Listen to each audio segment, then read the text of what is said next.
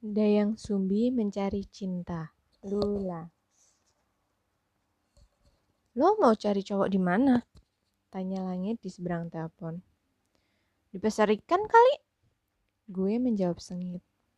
Langit memang teman yang kadang menyenangkan, kadang menyebalkan. Dia menanggapi niatan gue cari cowok dengan nada yang datar. Well, gue emang gak berharap dia akan excited dengan niatan gue mencari cowok sih. I mean, but buat langit, ini udah bukan cerita baru lagi, basi. Secara dia tahu banget kalau gue dari dua bulan lalu udah mulai ribut dengan status menjomblo yang gue sandang sejak 2006. Putus sama pacar gue yang terakhir, Ricky, yang meninggalkan gue karena katanya gue terlalu mendominasi dan mandiri, gue emang niat cari cowok, tapi nggak sampai sengebat inilah awalnya. Gue sempat menikmati status jomblo gue. Buktinya, gue nggak kebingungan walaupun hampir setahun tanpa gandengan. Baru sekitar dua bulan lalu, gue emang mulai rese gara-gara dengungan lebah di sekitar gue. I mean, dengan dengungan bonyok yang mulai nanya kapan gue mau merit. Kok tumben ngejomblonya kelamaan. Mulai khawatir gue bakal jadi perawan tua. Mana betah lah gue di rongrong kayak gitu. Cih, seorang Lula gak bakal kekurangan cowok, gak bakal. Dan sepertinya niat itu semakin mantap gara-gara undangan sialan itu. Tapi ketika gue memutuskan untuk menelpon manusia aseksual ini, setidaknya gue berharap dari otaknya itu akan keluar ide yang cukup kreatif, di mana gue bisa mendapatkan eligible guy dalam waktu singkat. Ya, singkat sesingkat-singkatnya. Demi menyelamatkan harga diri, gue harus berjuang menyaring pria-pria tampan di luar sana. Hah? Maksud lo, lo mau cari cowok yang jualan ikan? Damn, kenapa dia jadi idiot gini sih? Lo lagi ngapain sih, Lang? Gue bertanya dengan nada ketus. Ngedit sambil dengerin lo cerita, jawabnya kalem. Gue nggak tahu apakah ini kelebihan atau kekurangan langit. She could do two jobs all at once. Ya enggak lah. Tangan kanan gue mulai menekan-nekan stress ball berbentuk bola dunia hasil embatan dari kamar langit. Berbicara dengan langit hari ini bikin stres gue meningkat. Apalagi otak gue masih sibuk memutar adegan rekaan di pesta pernikahan Rahmat. I could not help myself ketika melihat, membayangkan tepatnya, si Pecunita tersenyum tanpa dosa di sebelah Rahmat saat gue menghampiri untuk bersalaman di pelaminan. Ah, tiba-tiba perut gue terasa sakit melilit. Lang, kapan sih hari bego sedunia? Gue coba menekan nada suara gue yang mulai semakin terdengar ketus. Oke, ketus dan sinis. Dua hal ini adalah kebolehan gue. Sep boleh bermulut silet, tapi urusan ketus dan sinis, well, the crown goes to me. Hmm, emang ada? Wah seru tuh. Ada. Kapan Nul? Hari ini? Oh ya? Kok lu bisa tahu? Karena gue lagi ngomong sama orang yang mencanangkan hari itu sekarang. Gue tersenyum sinis membayangkan ekspresi wajah langit. Ujung bibir kiri gue naik ke atas, membuat bibir tipis gue membentuk garis lurus. Satu kosong, gue yakin itu. Oh, really? Bentar, gue ambil kalender dulu. Gue harus mencatat dari bersejarah ini. Lang, gue serius.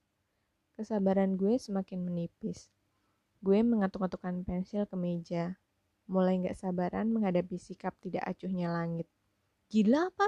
Gue bahkan gak sempat membayangkan menghadiri pernikahan Rahmat dengan perempuan yang tak perlu gue sebutkan namanya tanpa pasangan. Mereka akan bilang gue kalah. Mereka bakal bilang, si Lula cuma jadi perawan tua yang gak ada papanya. Ayo dong bantu gue ngedapetin cowok. Kenapa sih lo harus cari cowok? Hello, I already told you. Rahmat will get married soon. And I have to go there with my boyfriend, right? Juh deh, langit mulai kelewatan. Kayaknya dia sama sekali nggak nganggep mulut gue yang udah berbusa-busa menceritakan perihal pentingnya buat gue cari cowok sekarang ini. Iya, maksud gue, Ul, apa pentingnya lo ke sana bawa cowok? Oke, gue menghela nafas. Dengan bahasa apa lagi sih gue harus ngejelasin ke makhluk ini? Tumben dia lalat amat otaknya. Di mata gue, langit adalah orang dengan tingkat kecerdasan yang alami. Ups, jangan sampai dia tahu kalau gue nilai dia kayak gini. Bisa-bisa dia salto depan belakang selama 3 jam. Walau kadang buat gue, saking cerdasnya, cara berpikir dia gue anggap ekstrim dan gila. I mean, gue dong cerdas, tapi nggak kayak langit yang terlalu absurd. Lang, ini udah masalah harga diri. Rahmat nggak milih gue jadi istrinya. Dia malah milih si anoreksia buruk itu. Ya iyalah, secara dia pacarnya Rahmat. Lo kan mantannya. Tapi gue tahu si Pecunita itu mau nantangin gue. Mau bilang, kalau sedari awal bukan gue yang sebenarnya dipilih Rahmat. Lo tahu kan, dari zaman kuliah dulu, dia tuh selalu nunjukin sikap kepemilikan atas Rahmat. Padahal statusnya aja waktu itu sahabat. Ah, gue yakin dia udah lama banget nyimpen perasaan sama Rahmat. Perasaan lo aja kali. Gue jadi tambah bete lihat reaksi langit. Oke, langit emang biasanya bereaksi paling hati-hati dibandingin gue dan Sep dan cenderung impulsif. Tapi gak gini-gini amat kali. Apa dia gak tahu kalau gue sedang menyiapkan amunisi untuk memasuki medan pertempuran. This is emergency. She should stand by my side, right? Gak ada mantan responden atau teman jurnalis lo dari media tetangga yang bisa diembat emangnya? Hmm, sepertinya langit menangkap gelagat kalau gue bertambah bete dengan komentar dia. Cih, di mana reputasi gue? Lo tahu dong kalau gue jalan sama anak dari media lain? Aduh. Lang, mereka nggak ada apa-apanya dengan Rahmat. Please deh, lo tahu dong yang namanya wartawan. Aduh, gue lagi butuh yang bening, yang bisa bikin Rahmat lihat. Gue dapat yang lebih dari dia. Oke, Rahmat mantan gue itu emang cakep. Dengan alisnya yang tebal, sepasang mata tajam, dan hidung yang mencuat. Rahmat memang selalu bikin perempuan mana pun melirik. Nah, gue juga pengen tuh betina peconita lihat. Punya gue lebih dari dia. Gue gak suka kalah dari siapa pun. Hmm, kemarin ada penulis keren deh. Nada suara langit terdengar bersemangat. Siapa? Ada peluang gak buat gue? Duno ya, kalau peluang, secara gue sendiri juga suka ngeliatin dia, Ul. Suka? Buat apa? Cuma buat lo pacarin doang kan, gak lo nikahin gini? Gue urgent banget nih, emergency call. Orangnya tinggi, hidungnya mancung, gondrong, gondrong ikal, ada turunan Jermannya. Duh, sumpah matanya itu loh, tajam banget. Langit memperjelas deskripsi makhluk menarik yang dimaksud. Gue berusaha membayangkan seperti apa rupa spesies yang bakal jadi perburuan kali ini. Masuk golongan cabi nggak? Gue harap-harap cemas. Ini nih yang disebut guilty pleasure, benci-benci gemas le lewat cowok cabi. Gue nggak yakin sih, perutnya rata. Cabi sih enggak, tapi badannya badan bule. Badan bule berarti tinggi dan gede. Oh, I love this kind of guy. Hidung gue makin kemang kempis. Aduh, I have to know that man. That man. Kenalin gue dong. Gue yakin lo pasti kenal sama nih orang. Ngetop kok, ahli sejarah. Tulisannya banyak. Rata-rata bahasa Inggris sih. Terus nulis buku pula. Tapi buku yang serius gitu deh. Yang otak kita kagak nyampe. Kening gue mengerit. Seorang lula punya kapasitas otak yang mengagumkan. Hello, gue termasuk dalam kategori wartawan smart. I love books, I read a lot. Well, sekarang gue pekerja di majalah yang membahas perbukuan untuk kalangan remaja. Tentunya update terus berlanjut. Ini artinya asupan otak gue nggak perlu diragukan kan? Terus secara secara gaul lama penulis dan editor. Coba mana ada orang yang akan meremehkan kecerdasan otak gue? Kecuali tentunya langit dan sep. Mereka bilang batas antara cerdas sama freak beda tipis dan gue diasumsikan berada di golongan kedua. Lang, kenalin dong. Rayu gue. Hmm, gimana caranya ya? Gue cuma tahu namanya. Hihi, belum berani ngedeketin. Siapa? Kalau gue yang dapat duluan, lo jangan maju ya. Gue gak sabar dengerin omongan langit. What? Siapa namanya? Kejar gue. Lintang Screenreader. Gue cari datanya sekarang. Dan gue menutup telepon saat itu juga.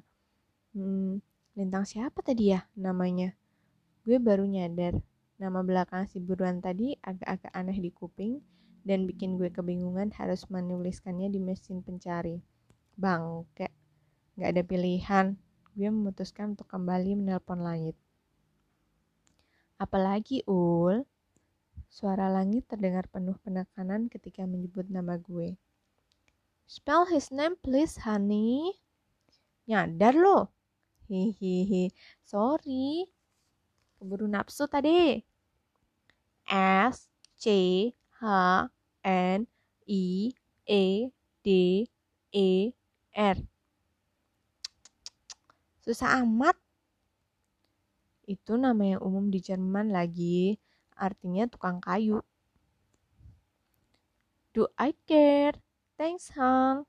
Klik. Gue menutup telepon saat itu juga tanpa menunggu respon balik dari langit. Gue melirik layar monitor, menggerakkan mouse dan mengetik www.google.com di bagian address. Halaman web Google terbuka. Segera gue gue ketik nama lintang Skynader di bagian pencarian. Satu, dua, tiga. Di layar monitor tampil data-data mengenai cowok yang dimaksud langit. Gue klik bagian pencarian gambar. Beberapa saat kemudian, aha, gue menemukan artikel yang memuat foto dirinya. Wah, kalau cowok satu ini mah gue sering banget lihat dia di forum-forum buku. Apalagi yang berkaitan dengan sastra Jerman. Hmm, emang sih dari pertama lihat gue juga sempat tertarik. Gue angkat telepon, menekan nomor ponsel salah seorang teman yang cukup aktif di forum-forum buku. Halo, suara Kurnia, managing editor di sebuah majalah yang membahas sastra terdengar di seberang. Kur, gue Lula. Halo, ke mana aja? Tumben nelpon. Di sini-sini aja gue bantu, butuh bantuan nih lo kenal sama lintang skinny leader nggak straight to the point aja that's so me kenal. Nah gue mau wawancara dia kasih data basic dong minta nomor kontak sekalian. Lo tuh ya emang nggak pakai bahasa basi bahasa basi nggak berlaku di gue. Hihihi.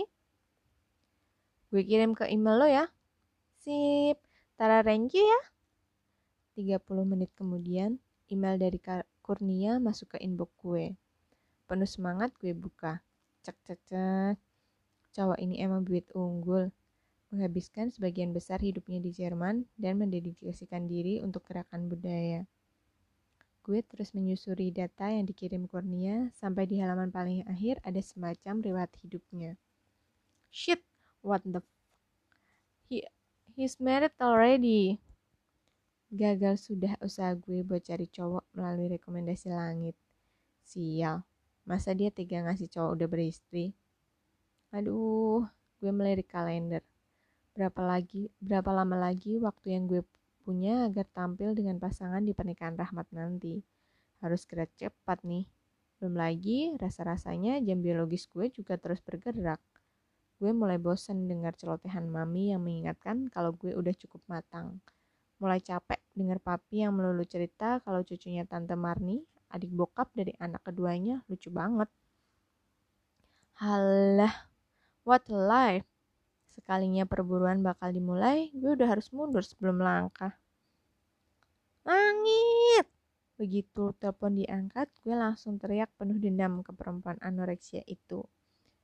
For your info, kalau pecunita itu anoreksia buduk, maka langit adalah anoreksia laknat. Lelaki itu udah beristri, teganya di kau meneket tehe belece dar. Langit menjawab enteng. Lagian lo juga sih nafsu banget. Gue diam. Iya sih, bener juga. Langit kan gak tau apa-apa. Halah, bodoh. Gue butuh kami hitam untuk membuat diri lebih tenang. Tahu dari mana? Tanyanya lagi.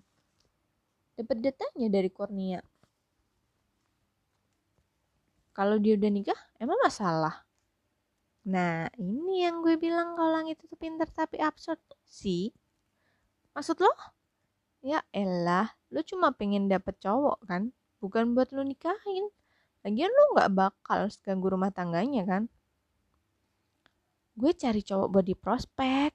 Lagian gue gak mau dituduh ngerebut laki orang. Emang lo mau ngerebut? Enggak kan? Emang lo mau minta dia nikahin lo? Emang lo masih tertarik dengan status dia yang udah nikah? Gue menjawab pertanyaan langit dengan pertanyaan. Kalau gue di posisi lo, gue mikirnya simpel. Simpel lo kayak apa sih? Gue cuma pengen coba pacaran sama laki orang, bukan mau nikah sama laki orang. Yosik. Nah, lihat sendiri, sendiri lagi kan ber, seberapa absurdnya temen gue yang satu ini. Jadi, bukan salah gue kalau gue bilang dia tuh cerdas tapi sakit lo nggak pengen tahu rasanya ul nggak gue butuh cowok yang eligible sekaligus available Woi neng, cuma ada dua kemungkinan soal cowok, cowok eligible. Kalau nggak udah punya monyet, ya homo. Perdebatan nggak penting antara gue dan langit pun dimulai. Ya lumayan lah untuk menyalurkan stres gue. Sep tertawa terbahak-bahak waktu gue cerita tentang lelaki buruan gue yang sudah beristri. Perutnya yang sedikit membuncit terguncang-guncang. Gue makin bete aja. Setelah langit, sekarang Sep yang sangat tidak prihatin dengan kondisi gue. Sebenarnya, sebagian dari gue lega juga sih ngelihat Sep bersikap kayak biasanya. Honestly, sejak kejadian gue nanyain, oke, okay, nuduh tepatnya dia gay gue nggak gue agak ngerasa nggak enak sama Sep. Tapi hari ini pas gue ngajak dia ketemuan dan gue ngedapetin dia kayak Sep yang biasanya gue merasa tenang. Jadi lo ada ide nggak di mana gue bisa ngedapetin cowok? Tanya gue. Listen babe. Lo tuh emang nggak cocok jalan sama orang yang sebaya atau lebih tua. Hah apa maksudnya nih anak? Coba lo inget-inget, mayoritas cowok yang jalan sama lo kan lebih muda. Hmm, gue membongkar memori otak gue. Iya juga sih, pacar yang seumuran sama gue tuh cuma Rahmat. Yang lainnya adik kelas. Habis gimana? Adik kelas zaman kuliah gue dulu lucu-lucu sih. Imut, ih jadi gemes. Gue senyum-senyum sendiri mengingat masa kejayaan gue menaklukkan adik kelas yang cute-cute. Tapi senyum gue mendadak berhenti waktu lihat Sep dengan penuh perasaan menangkupkan sepasang telapak tangannya ke bagian dada. Lo kena kutukan yang sumbi, kata Sep sambil menggelengkan kepala. What? iya, lo tuh kena kutukan yang sumbi. yang sumbi, Hon itu yang disukai nama anaknya sendiri. Dia Sumbi juga suka kan sama sang Kurian jadi saban lo mulai mau jalan sama yang lebih tua ada aja kejadian. Eh tapi tunggu. Saya menutup bibirnya dengan sebelah tangan. Apa? Kali ini lo bahkan belum apa-apa udah kesandung. Bangke. Gue melempar sedotan ke mukanya. Iyu, emosian deh. Jadi lo gak ada ide gak? Jadi lo ada ide gak? Ke mana gue harus cari cowok secara gue kan orangnya selektif. Selektif tapi desperate. Gue melotot. Felix satu ini emang perlu diajar tata krama di mulutnya. Suka bikin orang darah tinggi. Cerewet. Ikut aja biru jodoh, gimana? Hah? Aduh, apa kata semesta, Beb? Cih, semesta. Udah kayak langit aja loh. Sep menggerakkan kepala ke kanan, membuat poninya yang jatuh memagari dahi ikut bergerak. Udah deh, nggak usah sok-sok gengsian. Siapa tahu dari sana lo bisa dapat laki bibit unggul unggul instantly. Ah, kayak susah aja nyari eligible guy. What a pity I am. In fact, yes honey.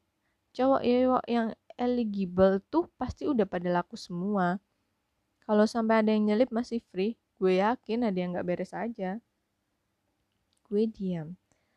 Tadi siang langit juga bilang kayak gitu. Maksud lo homo? Tanya gue lebih lanjut.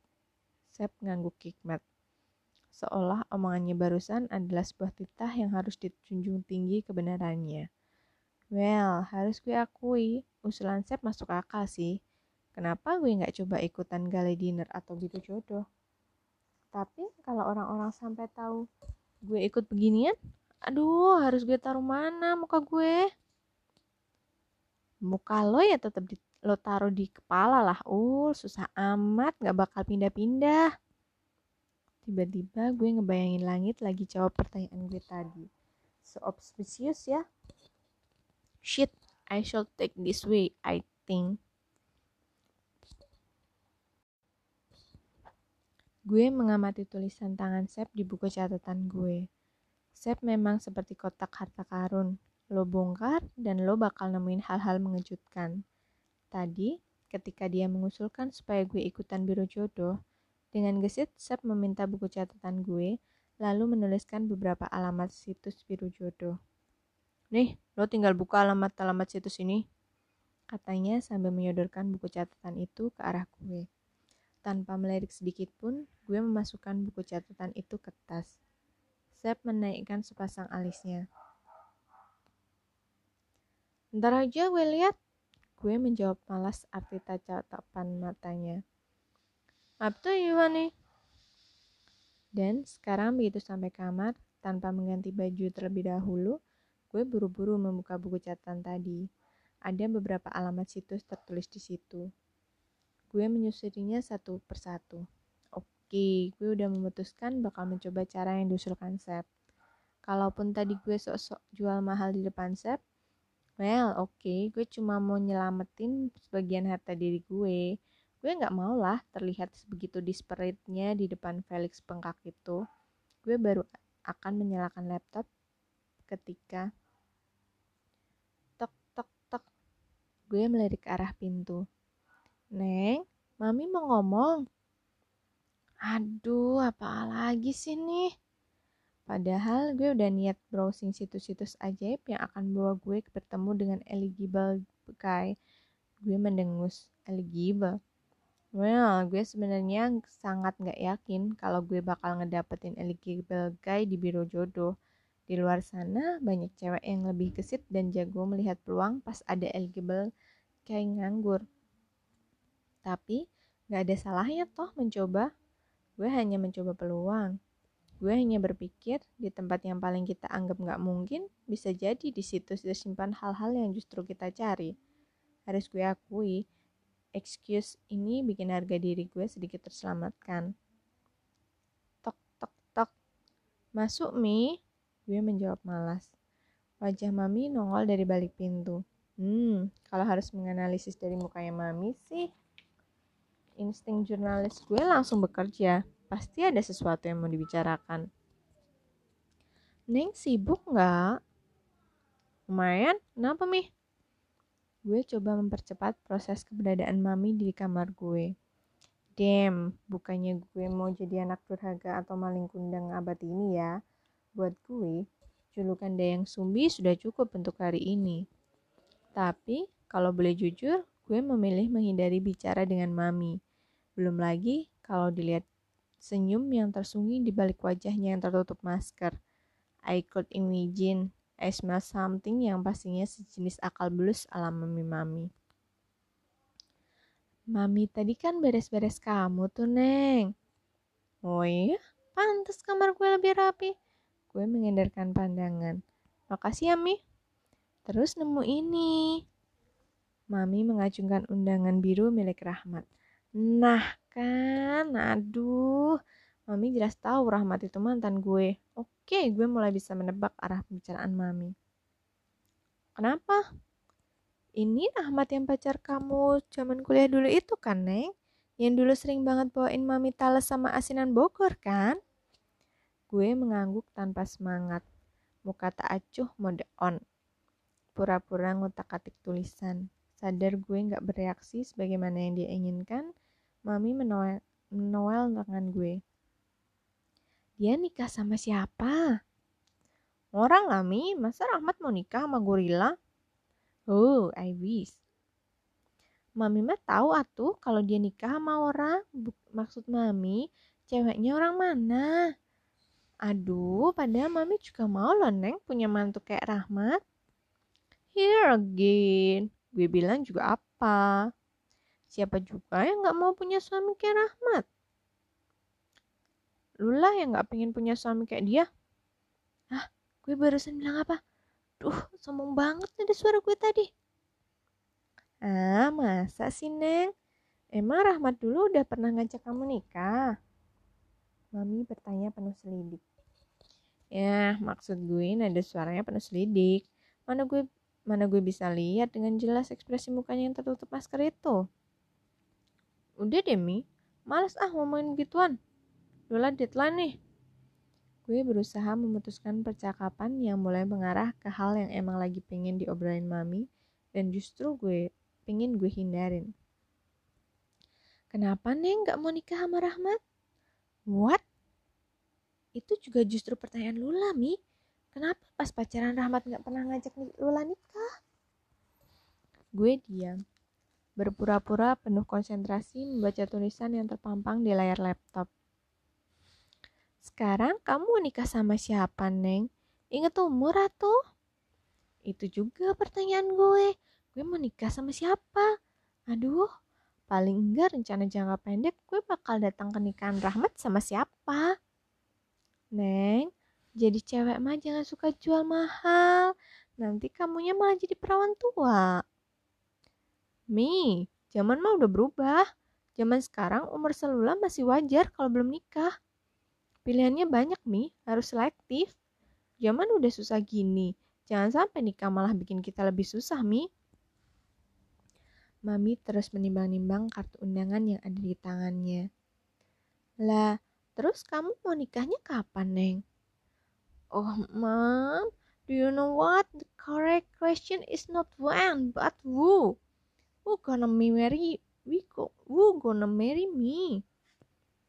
Well, Biru jodoh, here I came. Semakin mantaplah hati gue menempuh jalan yang ditunjukkan oleh si kucing iblis, Felix.